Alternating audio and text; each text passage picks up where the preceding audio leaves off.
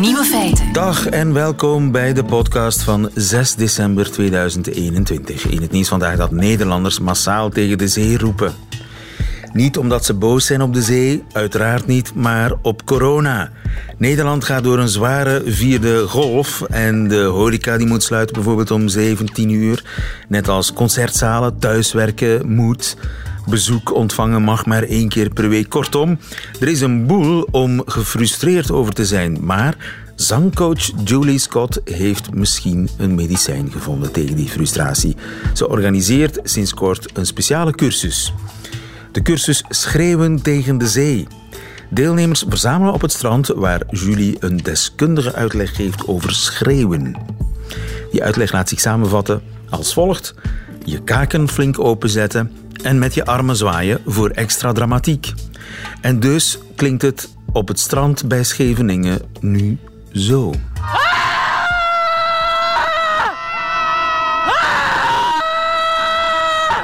En of het helpt. De andere nieuwe feiten vandaag. De stand van de handvaten aan een winkelkar die bepalen mee hoeveel u koopt.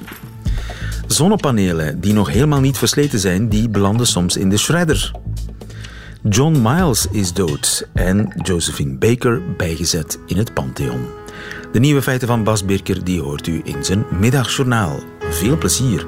Music was my first love And it will be my last Music of the future And music of the past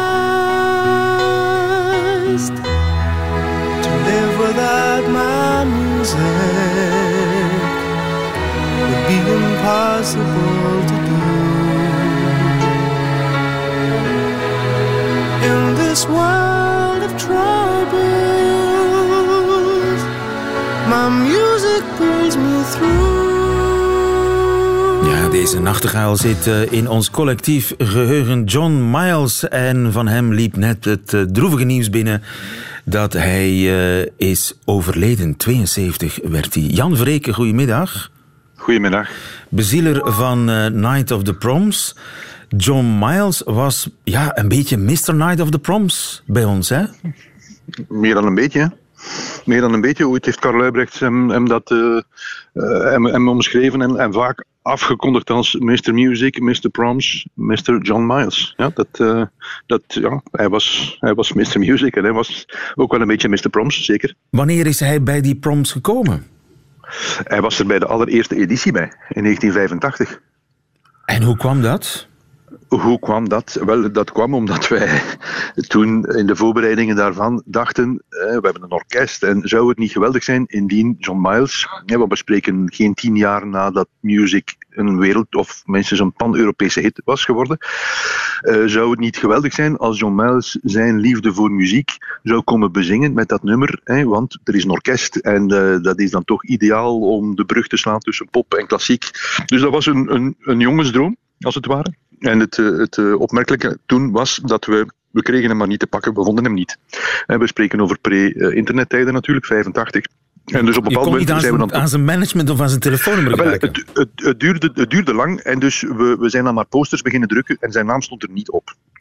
En hij was in feite dus een soort eh, de allereerste verrassingsgast op de allereerste Night of the Proms, want uiteindelijk hebben we hem wel kunnen contacteren en bereid gevonden om die dag, 19 oktober 85, om naar Antwerpen te komen en daar dan eh, in de namiddag te repeteren en s'avonds dat nummer eh, te- voor de eerste keer eh, bij, bij ons, maar niet voor het laatst, live te brengen. Ja, en hoe verliep dat eerste concert? Was dat een groot succes?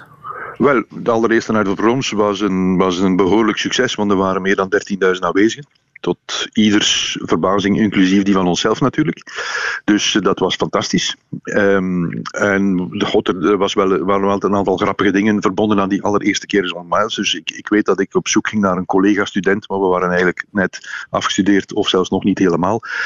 Met die een auto, die over een auto beschikte. Hè. Studenten hebben niet allemaal dofies een wagen, dus ehm, die ging naar Deurne, John Miles ophalen. Het was prachtig weer, dat weet ik nog, een prachtige dag. En ik zie hem nog zo binnenwandelen in het Sportpaleis langs de backstage. Met zijn vrouw erbij.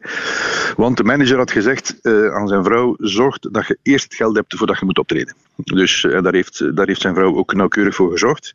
Maar het andere opmerkelijke feit was: ik had op voorhand gevraagd aan zijn manager: ik zeg, kijk, er is piano in dat nummer, er is zang, uiteraard doet hij dat, er is piano en er is gitaar.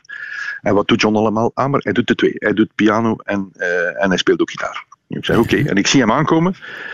En ik zie dat hij buiten een klein zakje met wellicht een show, showkostuum niks bij heeft. Ik zeg, ja, en waar is uw gitaar? Dan zegt hij, moest ik een gitaar meebrengen? ik zeg, ja, maar uw manager heeft gezegd dat je, dat je de gitaar gaat spelen. Dan verwacht ik dat je een gitaar hebt aan. Hij zegt, ik heb er geen bij. Dus ik belde dan in Zevenhaasten naar een studiegenoot waarvan ik wist dat hij een goede kwalitatieve gitaar had. En ik bel hem zeg, Johan, Johan Soedes, mag zo John Muis uw gitaar mogen gebruiken van de middag, want hij heeft de zijde niet meer. Ah ja, zegt hij, dat is oké, okay, is goed. Heeft hij ook een versterker nodig? Ik zeg, ik denk het wel. Ja, ja een piano is, ik denk ik, ja. Ja, maar de piano, dat hadden we voor geregeld. Dat hij dat niet had meegebracht, dat, ja, dat was er gelukkig wel. Ja, ja, dat Die moest hij niet meenemen. Nodig. Die moest hij niet meebrengen, maar gitaar had ik wel verwacht. En dus, ik, uh, Johan zegt, moet ook een versterker hebben? Ik zeg, ik denk het wel. Ah, ik heb juist mijn versterker uitgeleend aan iemand anders, dus ik heb die niet bij. Uh, ik zeg, oké, dan gaan we, breng al uw gitaar, we zoeken voor de rest een oplossing. En de oplossing hebben we dan gevonden in, uh, bij Toets Tielemans, die ook op de affiche stond. En die Bluezet toen bracht, um, al scattend, hè, fluitend en mee, mee, uh, mee met de gitaar diezelfde solo uh, uh, spelen. Dus de toets had een gitaar en een versterker bij. Kijk eens, en John zei, dan zal ik de versterker van Toets Tielemans wel gebruiken. En zo is dat dus de eerste keer gebeurd. Waarom zijn jullie hem jaar en jaar na jaar blijven vragen? Wel, het, uh, het is gekomen in. We hebben dan vier jaar later uh, hebben we een soort uh, terugblik op de eerste vier, vijf jaar gedaan. Een best of five noemen we dat. En toen kwam Mark Garfunkel terug en hebben we ook John Miles teruggehaald. En Theo Mertens. Dus een soort hoogtepunt. Dat was al een eerste soort terugblik. Ehm, en het jaar daarna, in 1990, was het een Parsons Band daar. Uh, maar tegelijkertijd was John Miles toen op tournee met Tina Turner voor het eerst. En uh, vanaf 91 zijn wij wat meer popartiesten beginnen inbrengen in het programma van The Night of the Proms. En hadden we behoefte aan een eigen ritmesectie, een eigen electric band.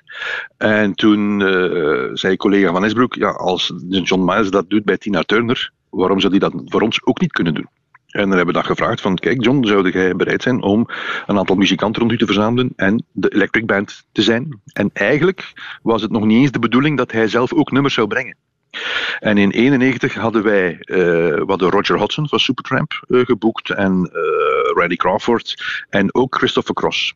En Christopher Cross die meldde zich ziek in de week van de repetities. Dus ineens hadden wij in ons programma een lacune. En toen ja, dachten we, wat kunnen we doen? Wat kunnen we doen? Ja, John Miles is hier, zou hij, zou hij niet music kunnen terugbrengen?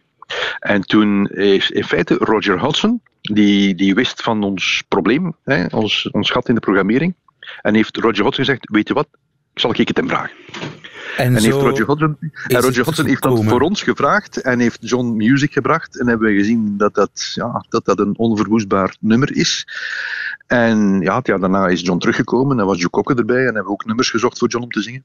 Ja, en, en zo is dat eigenlijk. Zo voilà, is hij, de geschiedenis en zo werd uh, Music het anthem van The Night of the Proms. Wat voor man was hij? Um, ik denk, om te beginnen, was hij, uh, hij was een familieman. Uh, dus uh, niet vergeten, hij is 49 jaar getrouwd. Eileen, ik heb ze van de week een paar keer aan de rij gehad. Ja, een zeer lieve vrouw. Twee toffe kinderen, waarvan John Jr. in België woont en werkt. Hij was ook een zeer getalenteerde muzikant. En ik denk dat hij niet de carrière heeft gehad die in, in verhouding tot zijn talent. Dat had eigenlijk meer kunnen zijn. Want hij is een begenadigd zinger, zanger. Hij is een hele goede gitarist en hij is ook een hele goede toetsenman. En zeker op piano.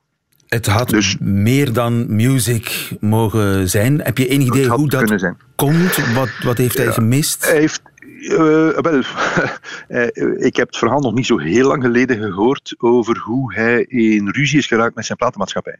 Dus hij, als hij daar die eerste hits heeft gehad, uh, is hij op tournee geweest tot in Amerika toe voor het programma van de Rolling Stones van Stevie Wonder. Dus hij was echt uh, op weg om een grote, grote ster te worden. Um, En hij heeft toen um, is, werd opgehaald op de luchthaven, had een meeting met de grote baas van EMI, denk ik, Worldwide. En die man uh, haalde hem op in zijn, in zijn Rolls Royce, heb ik mij laten vertellen. En uh, hij zei: Kijk, zegt ik heb een nieuwe artiest getekend, wil je eens luisteren? En ik ben vergeten van wie het juist was, die muziek, maar John vond het maar niks. En die duwde op de eject-knop van de cassette en smeet het uit het raam. Oei. Oei. Ook dat was John Miles. En dat, dat is hem zuur opgebroken. Dat is eigenlijk de verkeerde keelgat geschoten van de platenbaas. En daardoor heeft hij, heeft hij daarna een proces gekregen van de platenmaatschappij. En was hij eigenlijk op weg. Hij is terug uit Londen verhuisd, terug naar Newcastle. En was hij, dat heb ik mij later ook laten vertellen door muzikanten van, van Tina Turner en Joe Cocker dat hadden wij hem, als, als hij niet naar de proms was gekomen in 85 en in 89, had hij misschien de muziekbusiness compleet vaarwel gezegd. Maar door het succes wat hij op de proms heeft gehad, naar verluid, heeft hij dat nooit zelf gezegd, ik heb er ook niet naar gevraagd, maar heeft hij, is hij tot besef gekomen, ik kan toch nog iets betekenen voor het publiek. En is hij, bon, heeft hij de draad eigenlijk terug opgepikt, weliswaar niet met de uh, verkoopscarrière of de commerciële carrière die het misschien had kunnen zijn, maar is eigenlijk zelfs de laatste jaren misschien nog meer dan vroeger enorm beginnen genieten van het succes dat hij eh, had uh, bij ons. Want daar kon hij al zijn talenten botvieren op de Night of the Proms. Dankjewel Jan Verreken, de bezieler van uh, Night of the Proms. 72 is hij geworden, John Miles. Nieuwe feiten. Coucou de France. Met Alex Visorek. Ja, Erik Zemmour, daar ging het natuurlijk voortdurend over in Parijs en in Frankrijk. Maar uh, er waren nog andere punten waar de Fransen het over hebben op hun terrasje bij ja. Café Croissant. Uh, en daarover uh, vertelt ons Alex Visorek, mijn collega bij Radio France, onze landgenoot ook. Goedemiddag, Alex. Ja, goedemiddag. Hopelijk is er iets anders dan Eric Zemmour. Allez, muziek. Paris, Paris, Paris. C'est sur la terre un coin de paradis. Parijs, een stukje paradijs op aarde. Deze zachte stem, dat is natuurlijk... Ladies and gentlemen, l'extraordinaire Josephine Baker. Josephine Baker. Josephine Baker, l'extraordinaire. ja, die deze week ook een stukje paradijs in Parijs kreeg. Ze werd in Le Panthéon bijgezet, waar de allergrootste Français en Françaises geëerd worden. Jullie hebben de slimste mens ter wereld, de Fransen hebben Le Panthéon. Daar vind je de tombes van de belangrijkste politici, schrijvers, wetenschappers ooit. Victor Hugo, Jean-Jacques Rousseau, Voltaire, Louis Braille en nog de bekende verzetstrijder Jean Moulin, wiens bijzetten in het Panthéon geëerd werd met deze lyrische speech van André Malraux. Entre ici, Jean Moulin, avec ton terrible cortège. Alle Fransen kennen die zin. Alleen maar de grootste Fransen worden in het Panthéon bijgezet. Les grands hommes, om met een hoofdletter H, staat in het Frans voor de mens. Maar eigenlijk bijna letterlijk ook voor de mannen, want de Panthéon bevat 80 beroemdheden, maar alleen zes vrouwen. Het is pas in 95 dat François Mitterrand geschiedenis schreef door Marie Curie in het Panthéon bij te zetten. La cérémonie d'aujourd'hui prend un éclat particulier puisqu'entre au Panthéon la première femme de notre histoire honoré pour ses propres mérites. De eerste vrouw in de geschiedenis die door haar eigen merites een plaats krijgt in het Pantheon. Maar uh, ja. wie beslist daar eigenlijk over?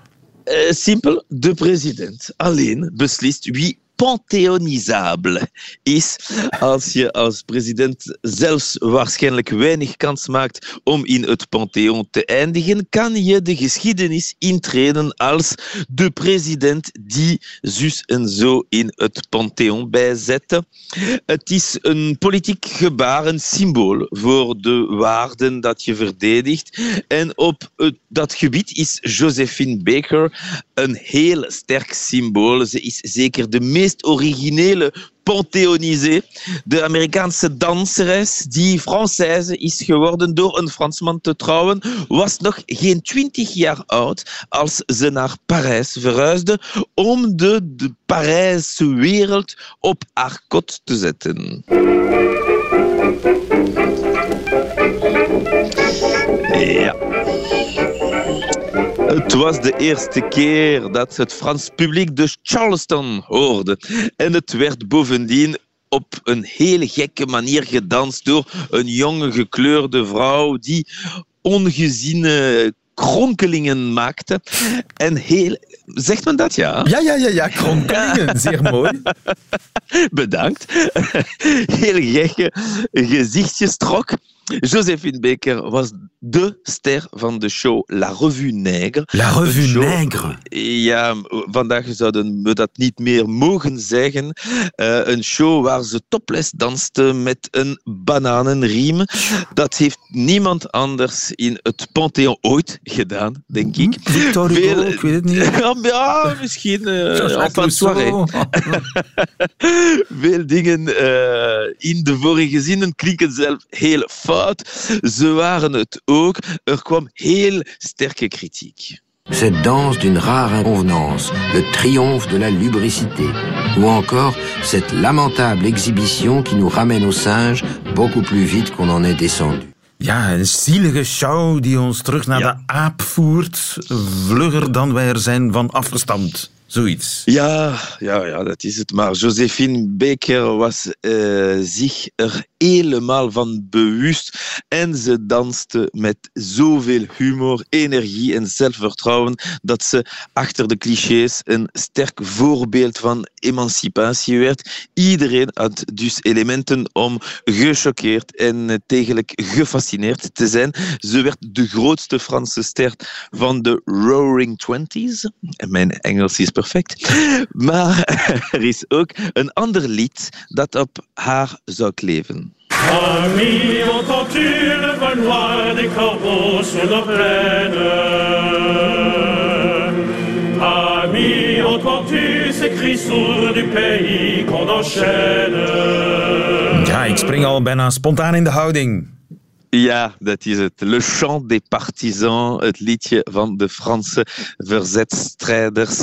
Gezongen terwijl haar kist het Panthéon binnentrad. Want eh, Josephine Baker wilde meer dan Frankrijk amuseren, ze wilde ook Frankrijk verdedigen. Qu'est-ce que vous faisiez Ce que je devais faire, C'est-à-dire deviner. Vous chantiez Mais surtout, je faisais de la résistance. Mais surtout, je faisais de la résistance. Ja, dat is het.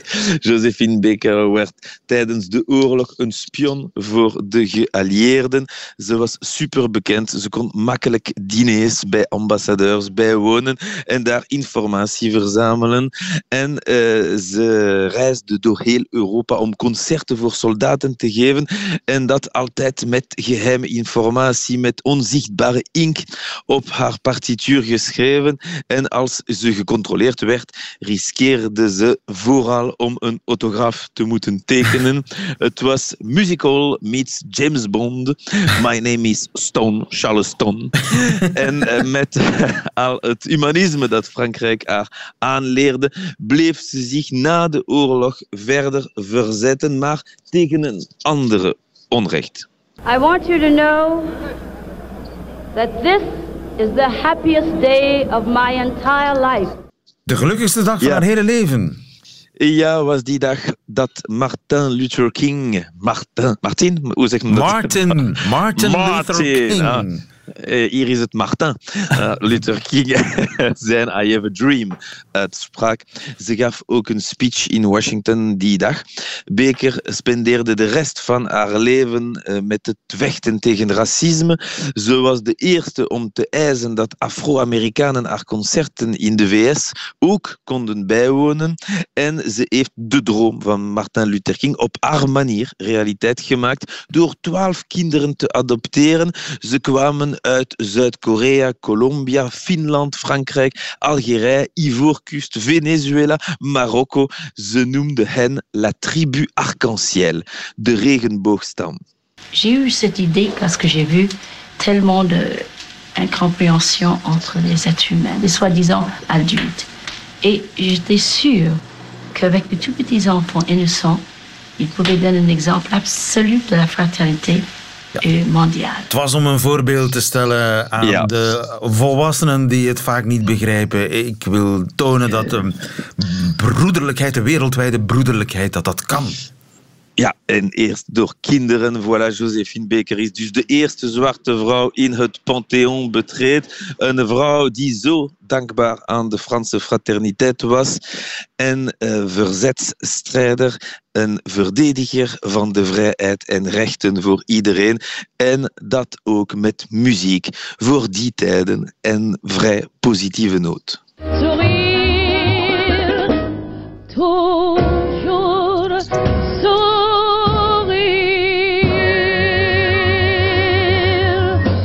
Dat waren nog eens dames.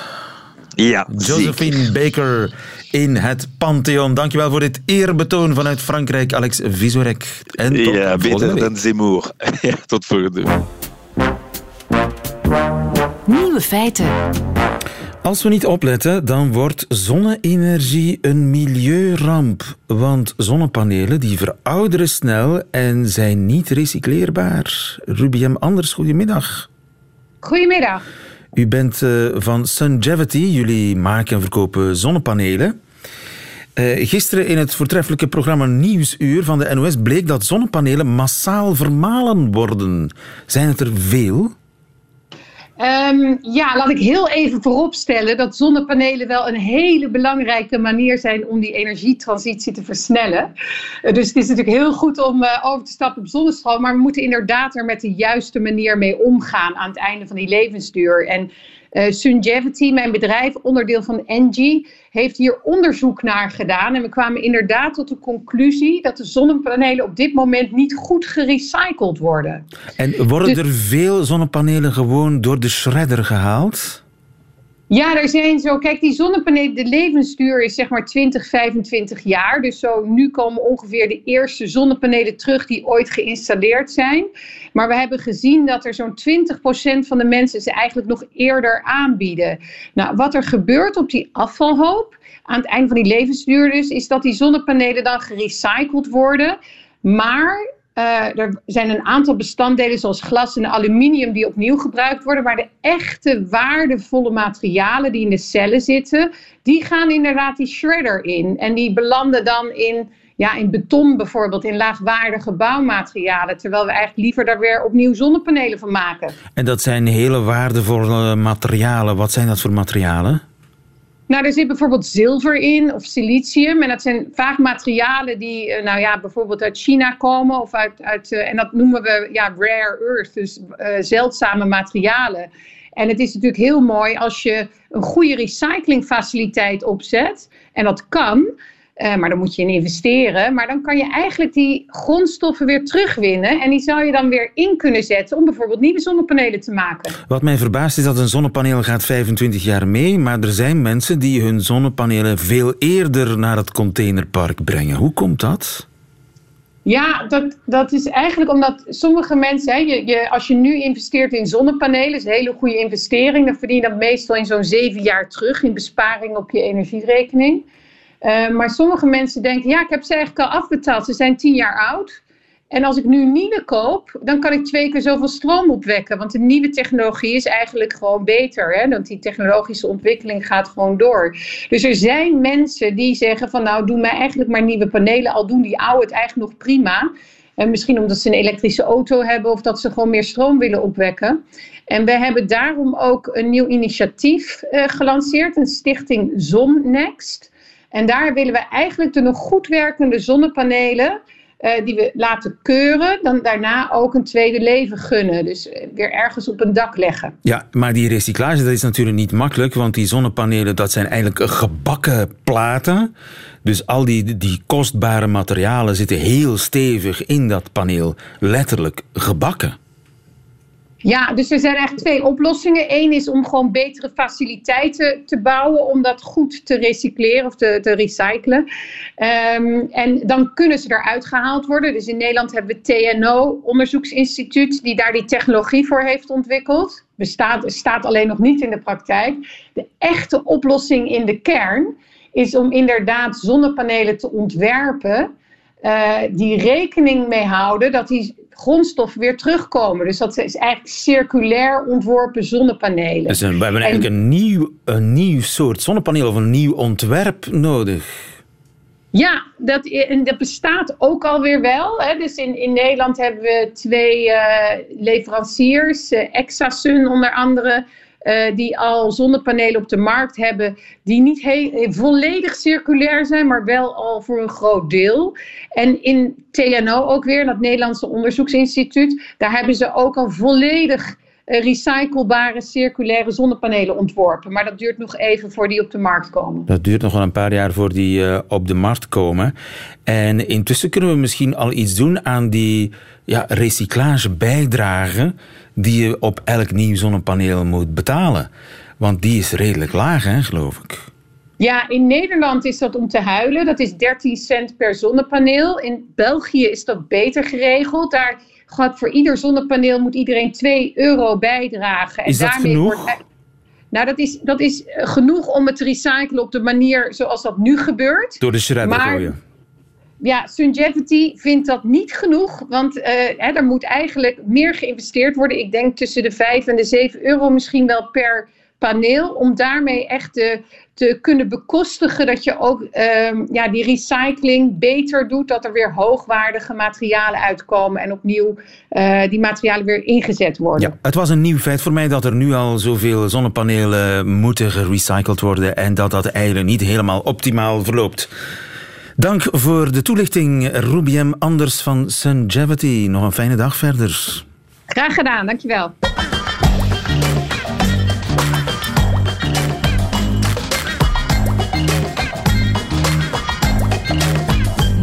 Feiten.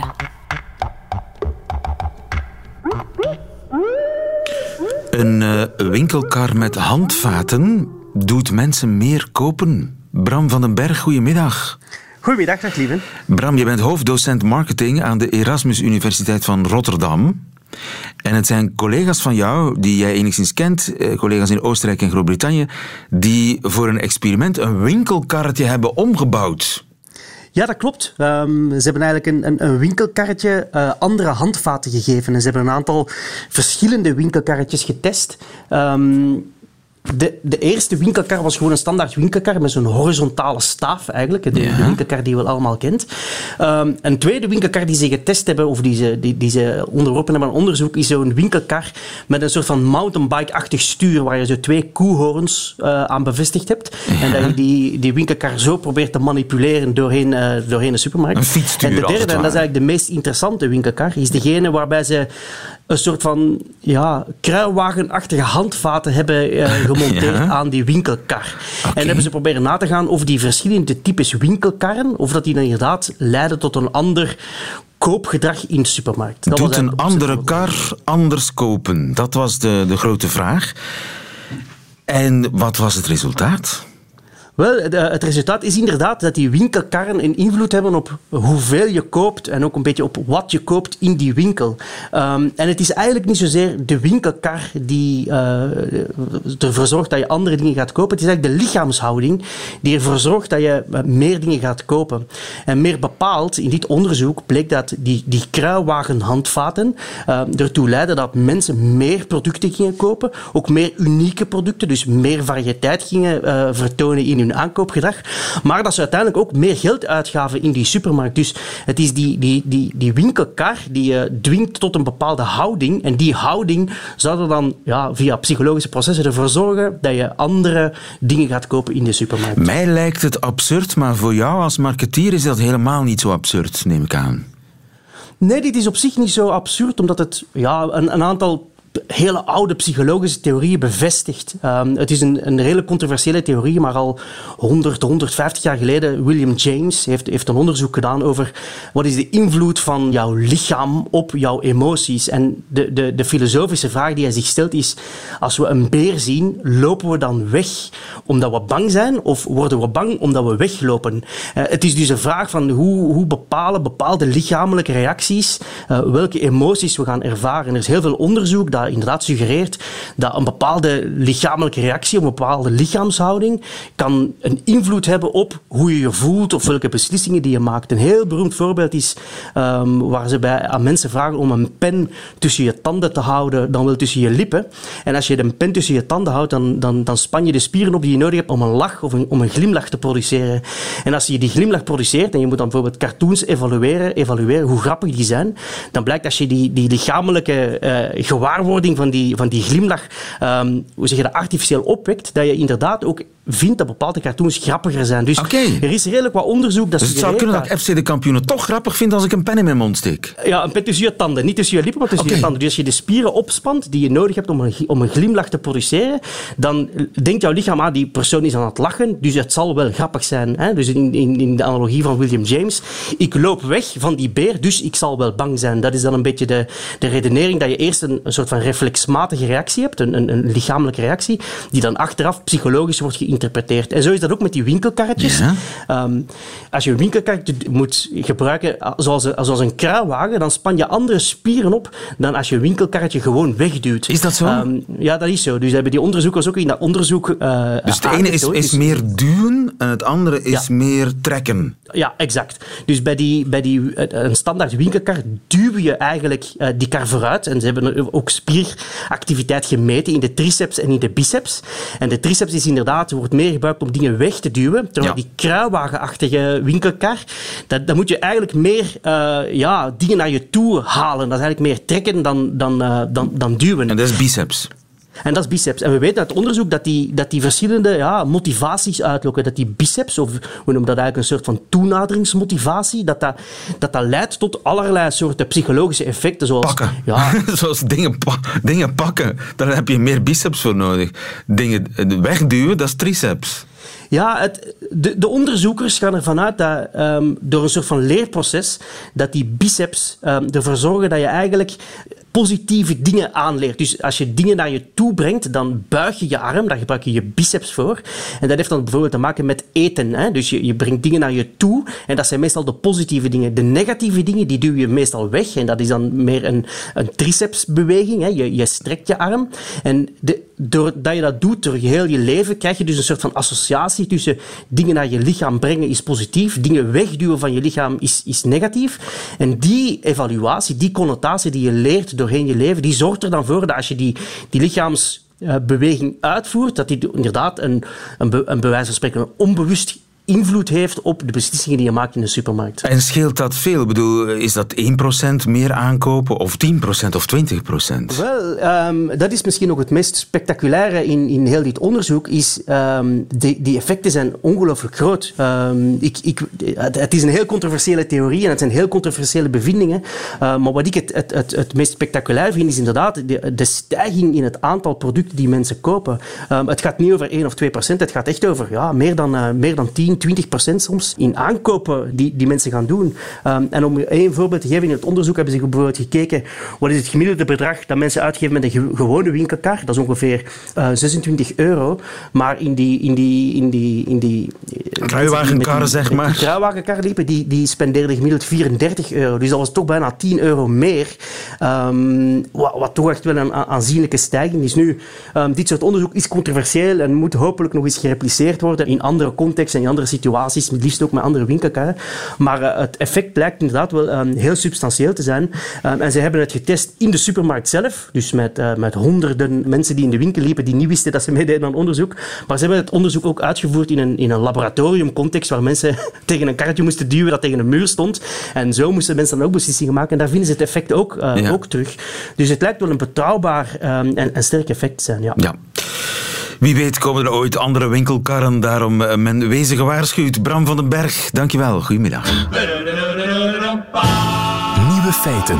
En dat waren ze meteen de nieuwe feiten van 6 december 2021. Alleen nog die van Bas Birker, de Nederbelg nu, krijgt u in zijn middagjournaal. Nieuwe feiten. Middagjournaal. Liefste landgenoten. Sorry zeggen is een kunst, een ambacht dat je door schade en schande steeds beter onder de knie krijgt. Als ik mezelf vroeger moest excuseren omdat ik te veel had gedronken, deed ik dat omdat mijn lief boos op me was. Door de jaren heen evolueerde het naar verontschuldigingen omdat ik mezelf slecht voelde. Tegenwoordig zeg ik sorry voor mijn gedrag. Ik zie mijn daden onder ogen en maak mijn welgemeende excuses. Ik was een klootzak en ik had niet in mijn bloot gat op tafel moeten dansen tijdens een bedrijfsfeest. Sowieso belachelijk, want ik heb een eenmanszaak. In een volgende levensfase ga ik leren om mijn gedrag aan te passen, zodat ik geen excuses meer hoef te maken. Ik ben ook maar een mens. Blijkbaar is onze minister-president ook een mens. Het orakel van Baschaat heeft in ieder geval nog een hoop te leren op het gebied van verontschuldigingen. Vrijdag had hij namelijk gezegd dat de laatste week voor de kerstvakantie op pedagogisch vlak niet zoveel voorstelde. Gisteren maakte hij zijn excuses daarvoor. Ik heb enorm veel respect voor het onderwijs. Mijn vader, broer, zus, ex-vrouw en vrienden staan erin. Als ik iemand heb gekwetst, dan wil ik mij absoluut excuseren. Dat was niet de bedoeling.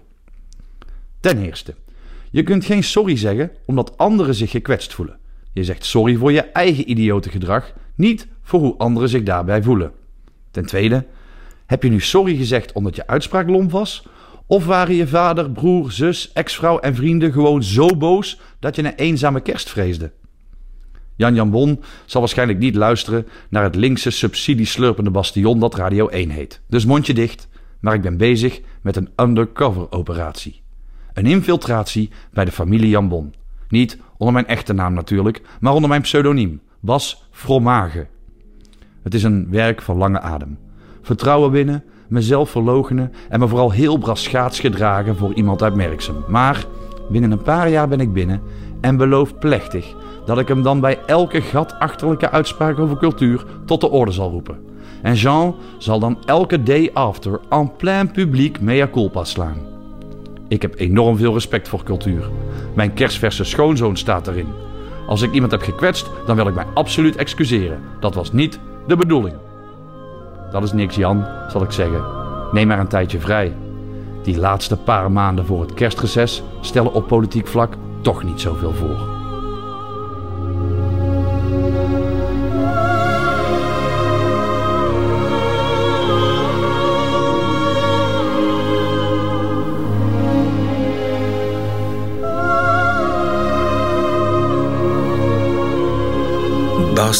Bas Birker in het middagjournaal. Einde van deze podcast hoort u liever de volledige nieuwe feiten. Dat wil zeggen met de muziek erbij. Dat kan natuurlijk ook live elke werkdag tussen 12 en 1 op Radio 1. Of on demand via onze website of via de Radio 1 app. Tot een volgende keer.